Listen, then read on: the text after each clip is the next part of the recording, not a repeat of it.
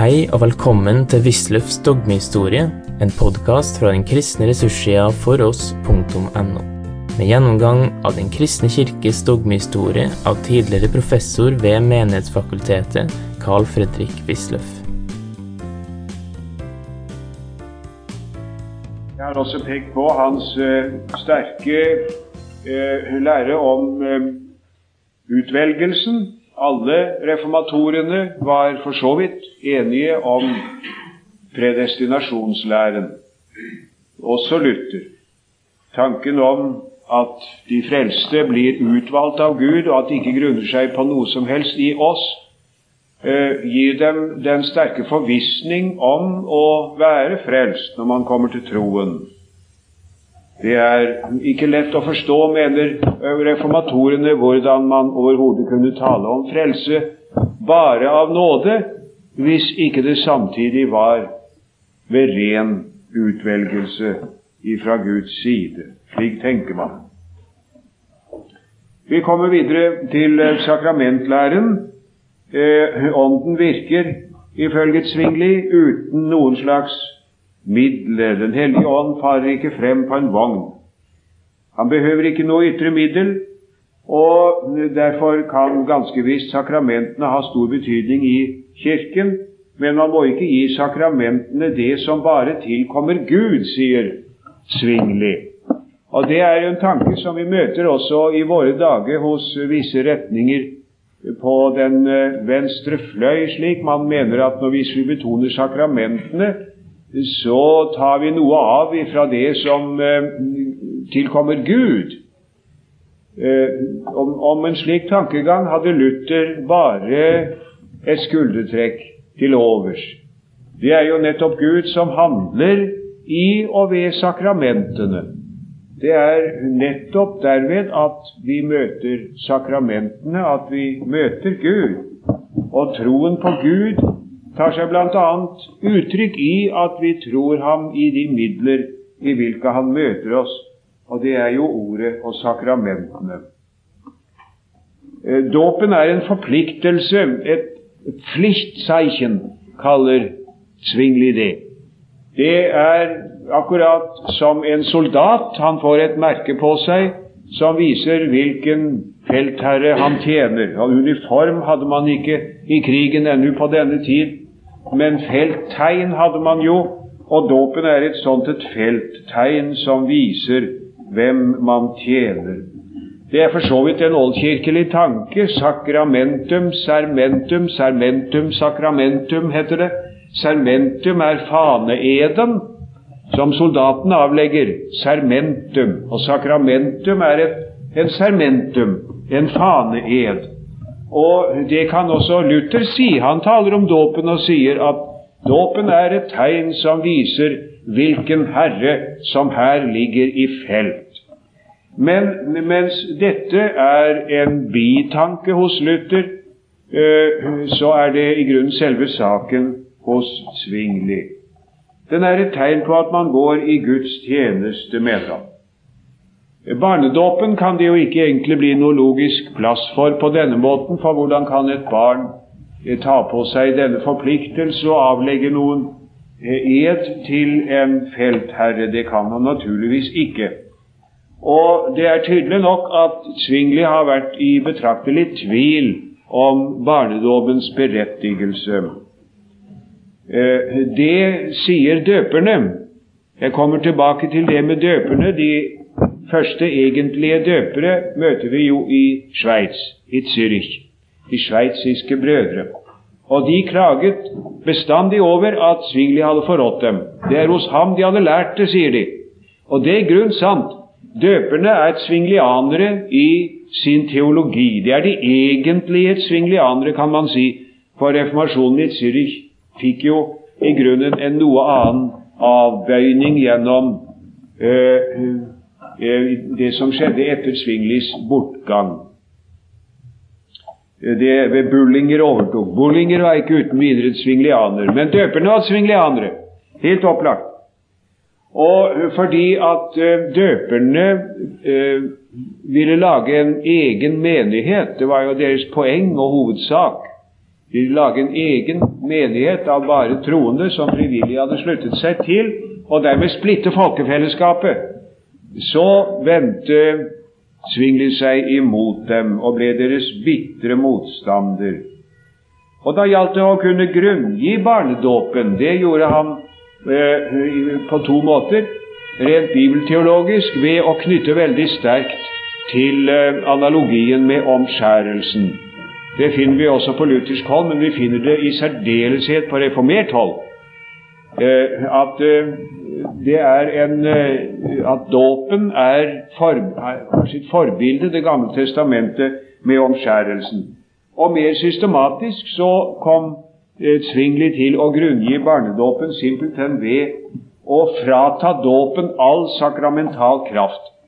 Man kan si det så enkelt som følger Luther grunngir barnedåpens berettigelse ved å gi dåpen stor, ja avgjørende sakramental betydning. Svingli grunngir barnedåpens berettigelse ved å ta fra den all betydning. Eh, enkelt uttrykt Eh, dåpen har ikke noen annen betydning enn en rent symbolsk, og hvorfor kan man ikke da like godt døpe barna? Slik heter det hos eh, Svingli. Altså, dåpen er ikke noe sakrament i vanlig kirkelig forstand. Den er utelukkende et symbol. Og for barnas del så blir det da slik at de også får dette symbolske tegn. For pakten gjelder jo også dem, og det grunngis ut fra analogien med omskjærelsen. Og nattverdlæren er symbolsk. Est er lik signifikat. Det hadde han ifra en mann som kom reisende ifra Nederland. Han het Hinne Råde og hadde lært det hos Cornelius H.N. Det er der han hadde hittet på dette. Est er lik signifikat. Og det utvikler han da om igjen og om igjen og atter om igjen. Og Luther sier han du blir nødt til å innrømme at dette er riktig, for det heter jo Kristus sier 'Jeg er døren', 'Jeg er det sanne vintre', 'Jeg er den gode hyrde', 'Jeg er livets vann'. Og da kan du da ikke mene at Kristus er dette. Uh, her synes Svingli åpenbart at han har veldig overtak. Du kan da ikke mene at Kristus er en dør. Du kan da ikke mene at Kristus er et vintre, og at han er vann, etc., etc. Til det svarer Luther tilbake jo, i evighet. Det er akkurat det jeg mener. Du kan ikke komme ifra at est betyr est. Det er helt umulig at være noensinne i noen sammenheng kan bety eh, bare en lignelse. Væren kan ikke overføres til å være noe annet enn væren. Der er ganske visst i setningen 'Kristus er eh, døren til fårene', 'Kristus er det gode vintre'.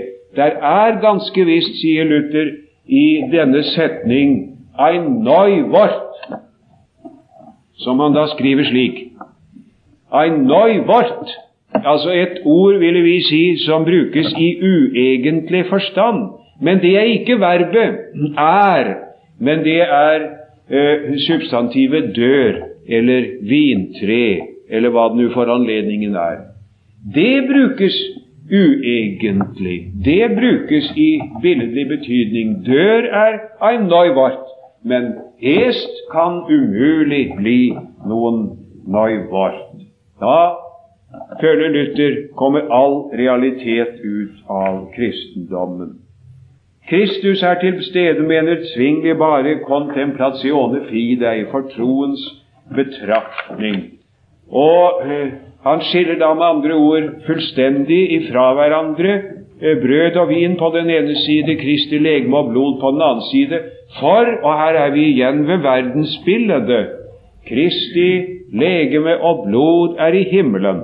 Hans menneskelige natur er i himmelen, som er et sted langt borte. Vi vet ikke mer om det, men det er et sted. Er han ikke et sted, så er det jo ikke et legeme sier Svingli, da er det et fantasma som altså fyller alt.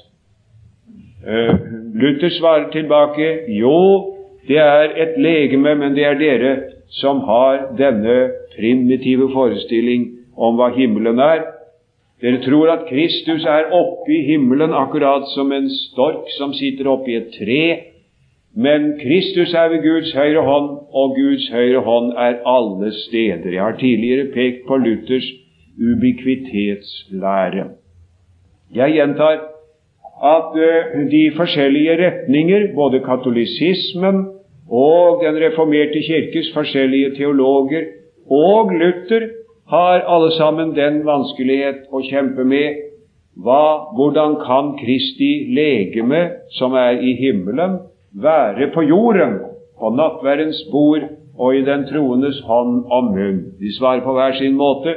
Katolikkene sier ved transsubstansiasjon, ved det skapende under som skjer der og da når presten uttaler de hemmelighetsfulle ord hoc est corpus meum, hoc est enim calix sanguinis mei. Da skjer en forvandling. Da er det ikke lenger brød og vin, men det er Kristi legeme og blod. Det er et skapende under. Det er en forklaring. Eh, Svingli forklarer det ved å si Eh, det ganske enkelt, går ganske enkelt for seg på den måten at her opprettes en lignelse. Kristi legeme og blod er i himmelen, hans menneskelige natur er i himmelen, men her har vi brød og vin, og det betyr, avbilder dette. Eh, Calvin har ennå en forklaring som vi snart skal komme til. Luther, altså, han forklarer det ved å bryte med selve forutsetningen for spørsmålet idet hans verdensbilde er et annet, enda han ikke hadde noe tro på Kopernikus, som vi vet. Det kan vi ikke forbauses over. Det står nå forresten bare i en tidsrede og ikke i noen av hans teologiske skrifter, det der, der om, om, eh, om, om, Kopernikus. Det er en tilfeldig bemerkning ved middagen. Hadde ikke noen skrevet det ned, så hadde vi ikke visst hva Luther sa om Kopernikus. Men nå kommer alle viktigperer og vet dette. De vet derimot ikke at det var en astronom ved universitetet i Wittenberg som var en tilhenger av Kopernikus. Det var ingen som sjenerte han, Ikke et øyeblikk. Han fikk dosere akkurat hva han ville. Luther bryter altså med dette og sier himmelen er ikke et sted. Kristus er alle steder, for den menneskelige natur er ett med den guddommelige natur. Og Her berører vi spørsmålet om Zwinglis kristologi, som vi antyder litt om der på side 125. Eh, øverst. Svingli skiller eh, Kristi natur skarpt fra hverandre. Eh, bare den menneskelige natur led, og den er nå på et bestemt sted i himmelen, og bare ved en aloiosis kan det som gjelder bare den ene natur, også sies om den andre. En aloiosis er en talefigur ved hvilken det man sier om én ting, også gjelder en annen ting. En talefigur ved hvilken det man sier om én ting, også gjelder en annen ting. Sånn at det man sier om Kristi menneskelige natur, det gjelder også hans guddommelige natur og omvendt. Det er en ren talefigur, altså. Det, denne talemåte om aloiosis vakte Luthers forferdelse og redsel og avsky. Og han skriver i 1528 Hyte dich, sier han. Vokt deg. Hyte dich, hyte dich, sag ich, für der Aloyosin. Sie ist des Teufels Larven. Det er djevelens maske. Denn sie richtet zuletzt ein solchen Christum zu, nachdem ich nicht gern wollte ein Christen sein nämlich dass Christus hinfort nicht mehr sei noch tue mit seinem Leiden und Leben, denn ein ander schlechter Heilige. Denn wenn ich das glaube, dass allein die menschliche Natur für mich gelitten hat, so ist mir der Christus ein schlechter Heiland. So bedarf er wohl selbst eines Heilands. Summa, es ist unsaglich, was der Teufel mit der Aloiosin sucht.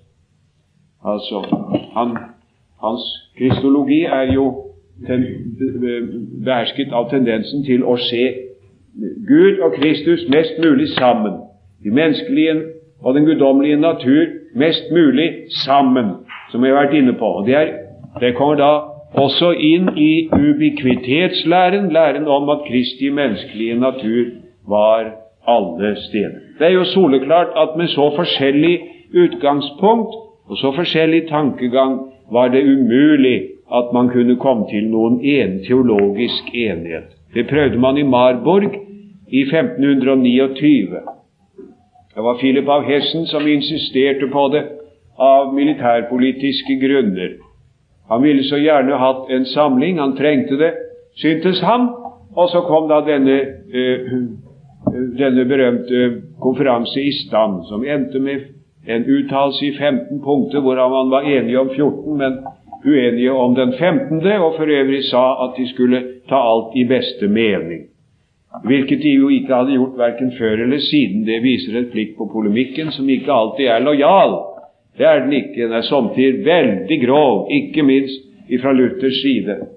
Men at det ikke desto mindre står om diametral motsetning i synet, er jo helt soleklart. Eh, synet på Guds lov og på forholdet mellom Kirken og staten førte til aktiv innsats i krig.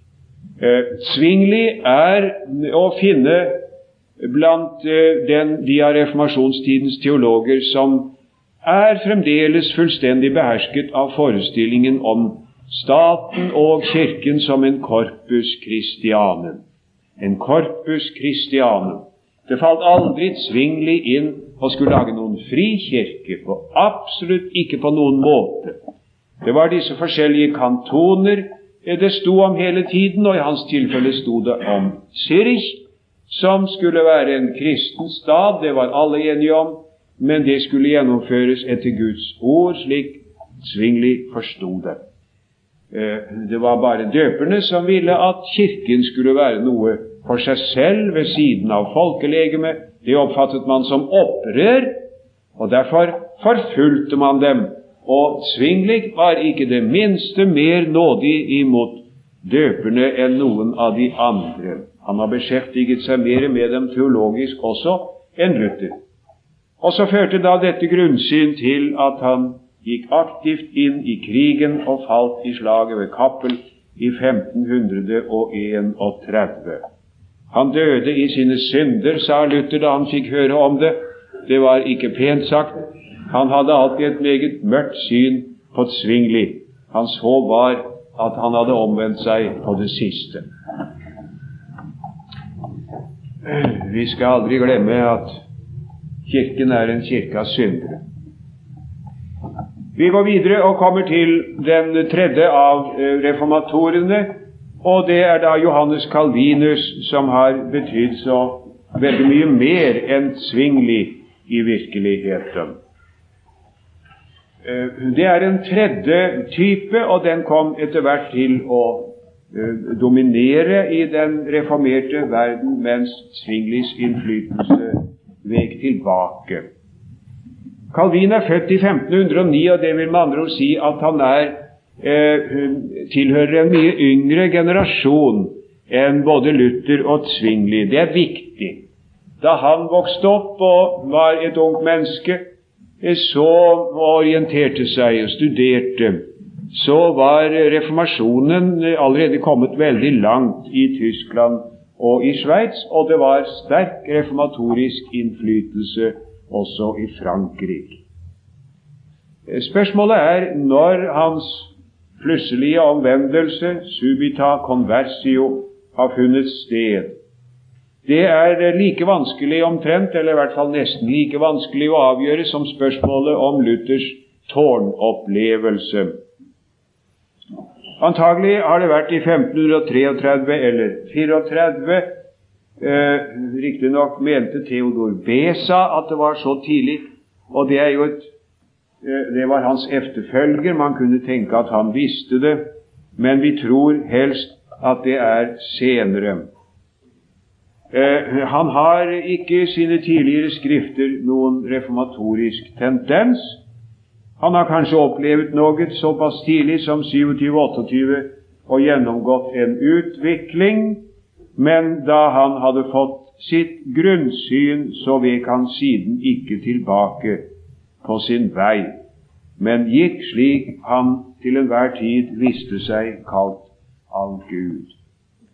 Vi skal ikke her gå inn på den rent historiske eller kirkehistoriske side av saken, naturligvis. Jeg minner bare om at han ble kallet til å være i Genéve i to eh, avdelinger, hendte det, to tidsperioder. Først 36 til 38.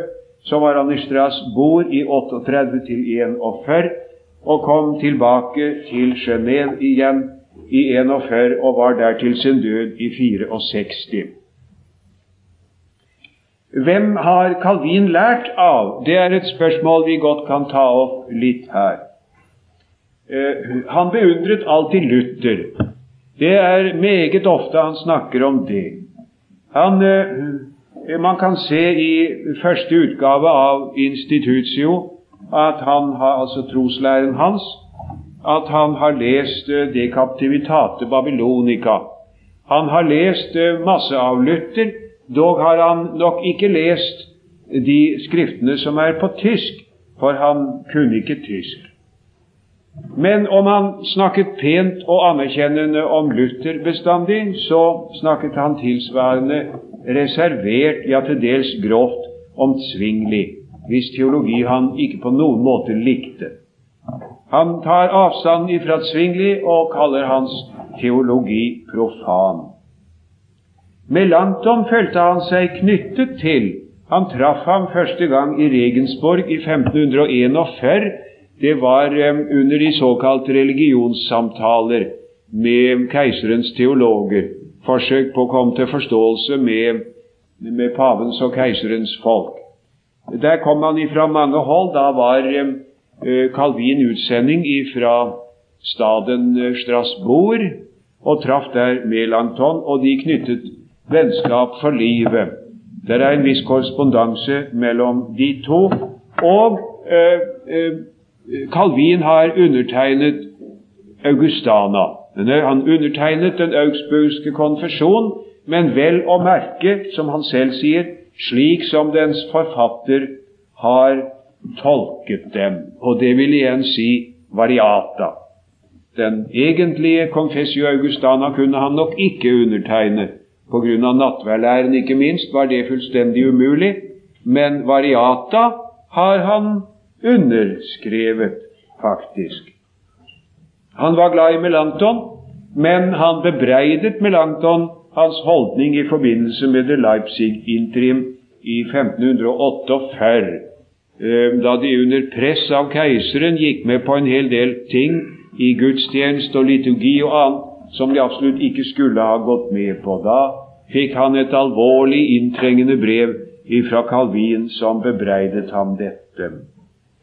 Man kan altså tale om en viss innflytelse ifra, ifra Luther og ifra Melanchthon. I året 1900 kom der en bok av en August Lang som skriver om det Evangelienkommentar Bozers und die Grundzüge seiner Theologie. Lang eh, henledet der oppmerksomheten på at Calvin åpenbart har lest Martin Bootser, eh, som var Strasbourgs reformator.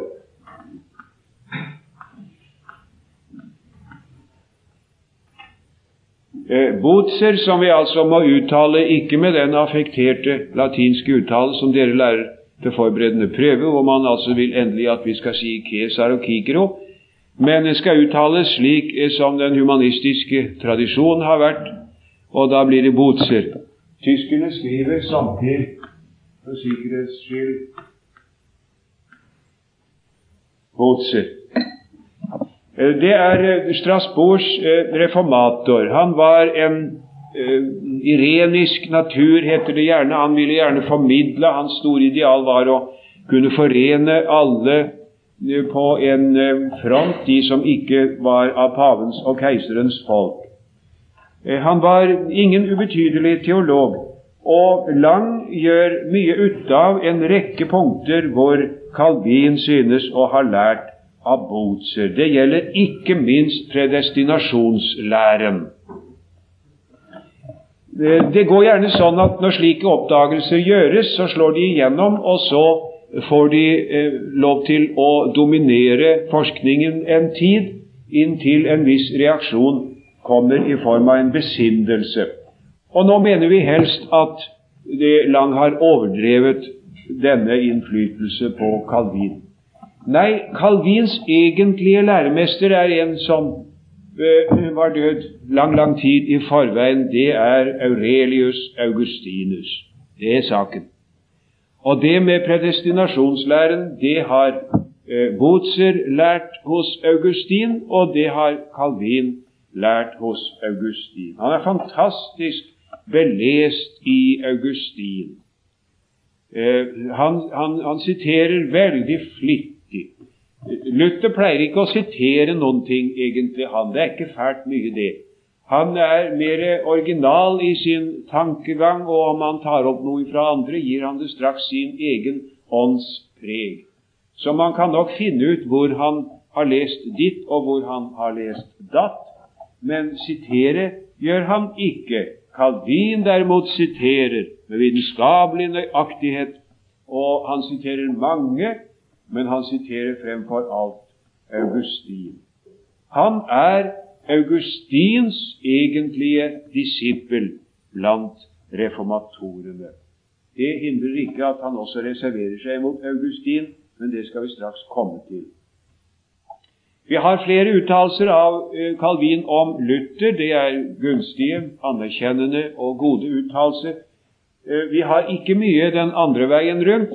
Vi har én uttalelse i et brev hvor Luther uttaler seg meget rosende om et skrift av Calvin som han nettopp har lest. Ulykkeligvis sier han ikke hvilket skrift det er, sånn at forskerne naturligvis har boltret seg og hatt forskjellige tanker for øye.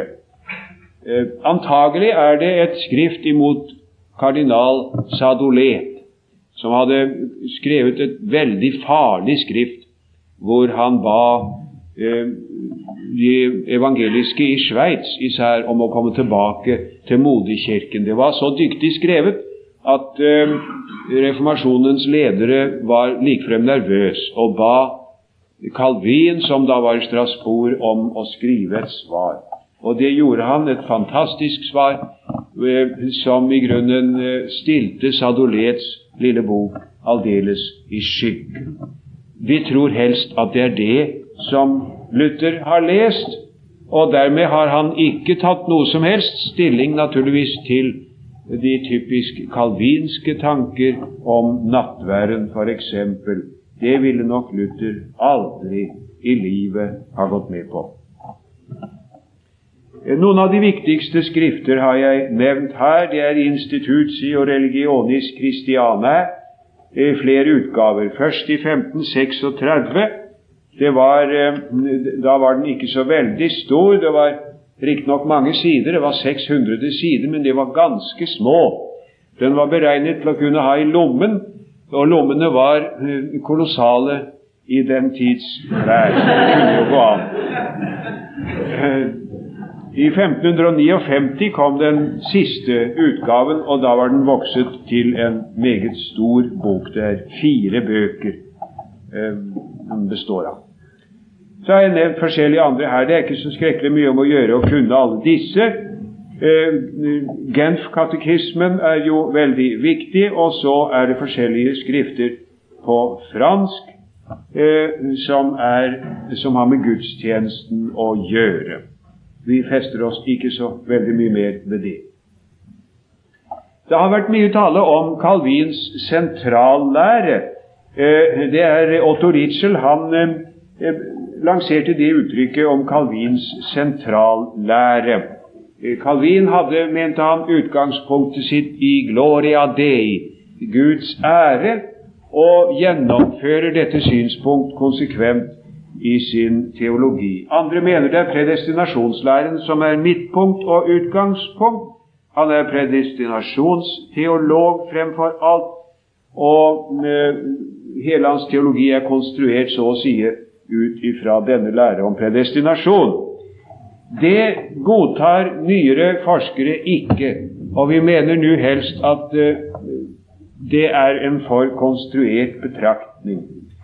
Uh, man fester seg da f.eks. ved at i den første utgave av Institutio knapt sto noe om predestinasjon i det hele taget. Synes ikke å ha dominert så veldig.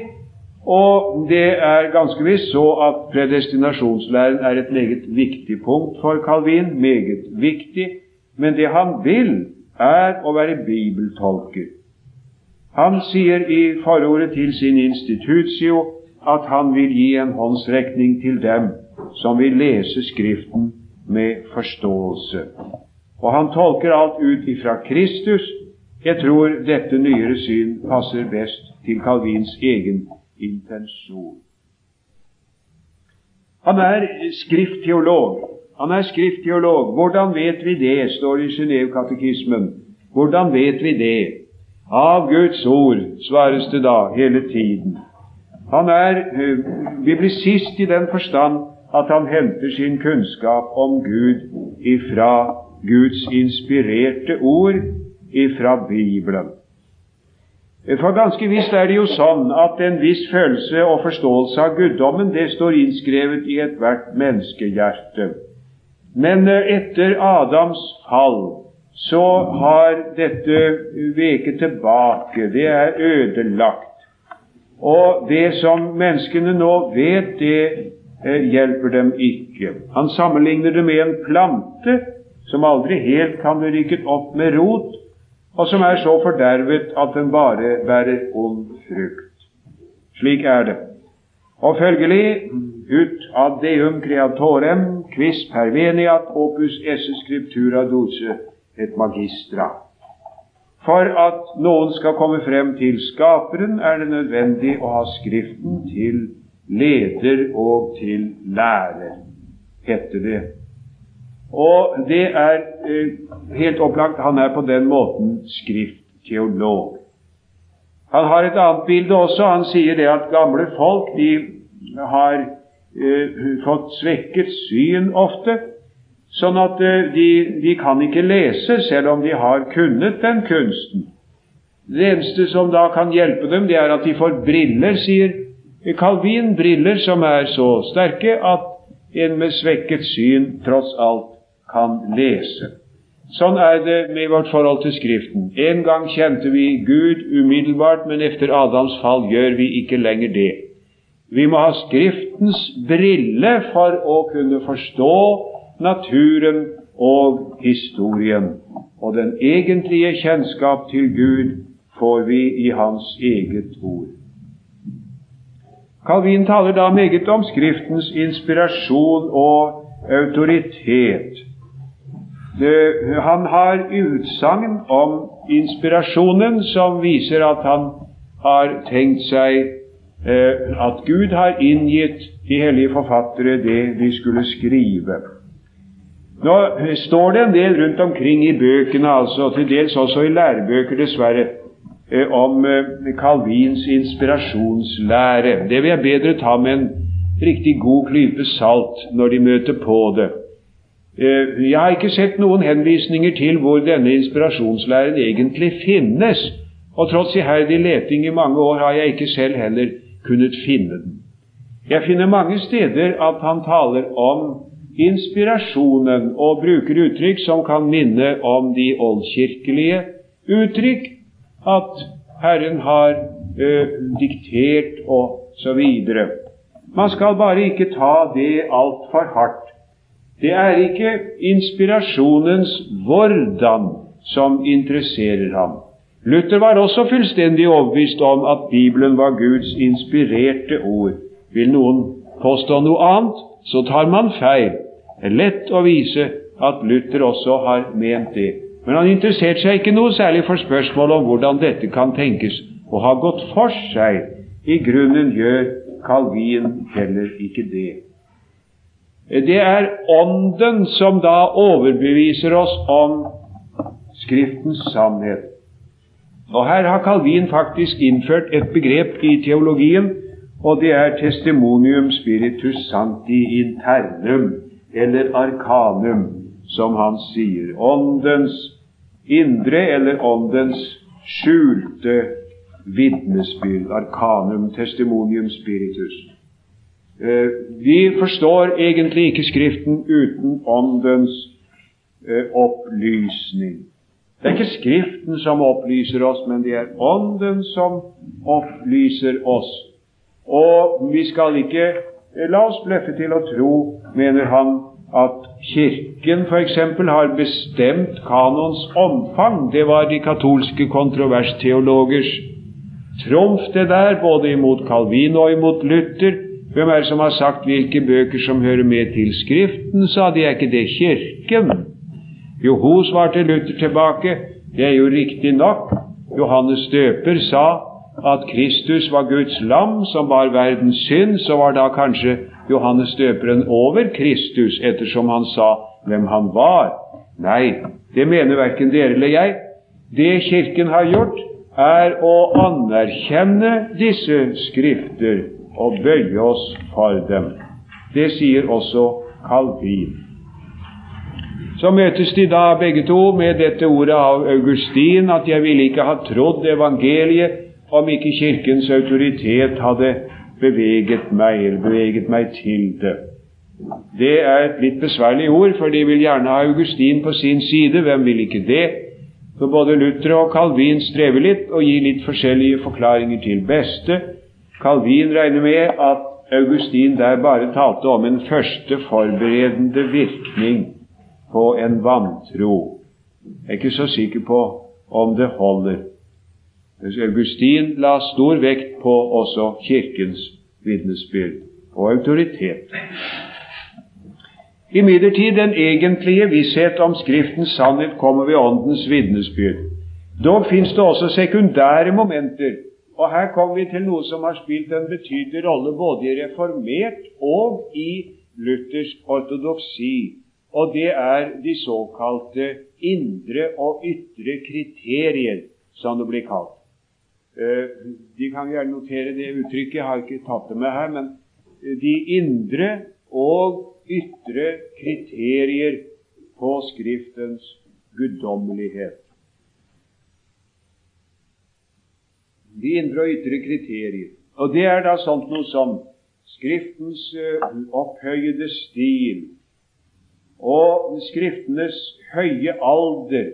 Det var jo ikke minst i Oldkirken et meget viktig punkt. De er gamle, disse skrifter, for vetustas veritas heter jo det er det gamle som er det sanne. Og uh, så er profetiene oppfylt. Det kan man uh, påpeke. Profetien om Kristus er oppfylt. Og profetiene om, om, om Jerusalems ødeleggelse er oppfylt, osv., osv. Og så har vi martyrenes vitnesbyrd. De gikk villig i døden for sin tro på Skriftene. Det er de indre og ytre kriterier. Det har spilt betydelig rolle. Man, man har dem hos Calvin, men han er klar over Man kan ikke overbevise vantro mennesker med dem. Det er nærmest en sekundær støtte for den som allerede tror. Han merker seg det og sier til seg selv det er jo da en merkelig sak å se. I uh, hovedsak så er jo altså Calvins og Luthers holdning overfor Skriften den samme. Uh, for dem begge gjelder det sola scriptura. Og som Luther sa, Skriften alene skal uh, gi oss trossetninger, og ellers ingen, ikke engang en engel. Men en viss forskjell i holdning syns vi jo nok at vi finner hos de to. Det blir et mer legalistisk, et mer statutarisk drag hos Calvin, og spørsmålet er hva det kan komme av. Her har jeg satt opp en del ting som kan hjelpe oss litt på vei, i hvert fall. Jeg må jo innrømme at jo lenger jeg arbeider med disse ting, dess dess eh, mer dominerer i grunnen, synes jeg, likheten dem imellom, for så vidt angår Skrift. Vitnesbyrdet, skriftautoriteten, mener jeg. Skriftens inspirasjon og autoritet. Men det er forskjeller. F.eks. For når det gjelder synet på lov og evangelium. Der ser Luther lov og evangelium som to Guds handlemåter, som vi finner tvers igjennom både Gamle og Nye testamentet. Det har alltid vært sånn, fordi Gud er alltid den samme. Gud er den som er en hellig Gud og møter oss med sitt krav og med sin dom i loven. Gud er en barmhjertig Gud som møter oss med sin tilgivende nåde i evangeliet. Og Gud handler i grunnen akkurat på samme måten i Det gamle testamentet som i Det nye testamentet. Han frelser oss ved dåpen og troen, sier han, men han frelste Noah ved arken og Gideon ved ullen som han la ut, vet de, og så videre. Eh, det var i virkeligheten løftet og troen begge steder. Det er to pakter. Gud har to pakter. Lovens pakt og evangeliets pakt. To forskjellige måter hvorpå Gud handler med oss. Calvin har mer lyst til liksom å se dette i ett. Eh, det er i grunn én pakt, og det er Guds nådepakt med sitt folk. Og den er uttrykt i loven. Loven er paktesloven. Det er jeg streket under. Jeg syns det er det beste uttrykket her. Eh, han sluttet den lovens pakt med fedrene og fornyet den ved Moses. Moses har ikke grunnlagt noen lovreligion. Han var pakts, Gudens profet. Og den samme pakt i grunnen fornyer atter Kristus, men nå i full klarhet og lys.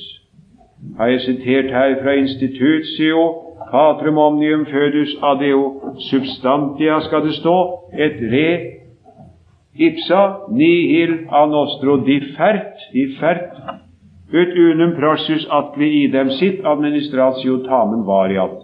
Det er så likt, så likt Augustin. Altså alle fedrenes eh, pakt eh, for, er ikke noe forandret for, forskjellig ifra vår med hensyn til substans og sak. Substantia i tre, ablativ altså. Fedren, alle fedrenes pakt er altså med hensyn til substans og i sak ikke noe forskjellig ifra vår. De er, og det på den måte at de er absolutt like. Men administratio varia, måten som vi møter den på, måten Gud gir oss den på, er forskjellig.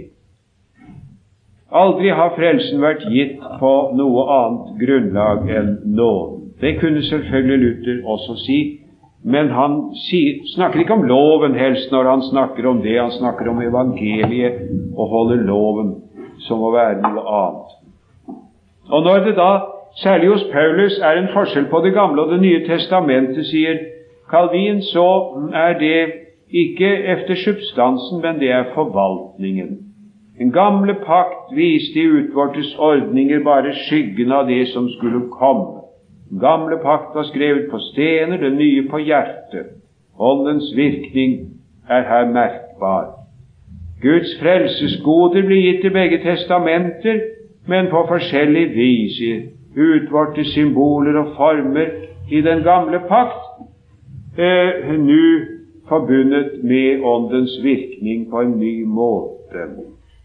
Det var når Åndens virkning manglet, at loven førte til trelldom. Stryk gjerne under den setningen der, altså.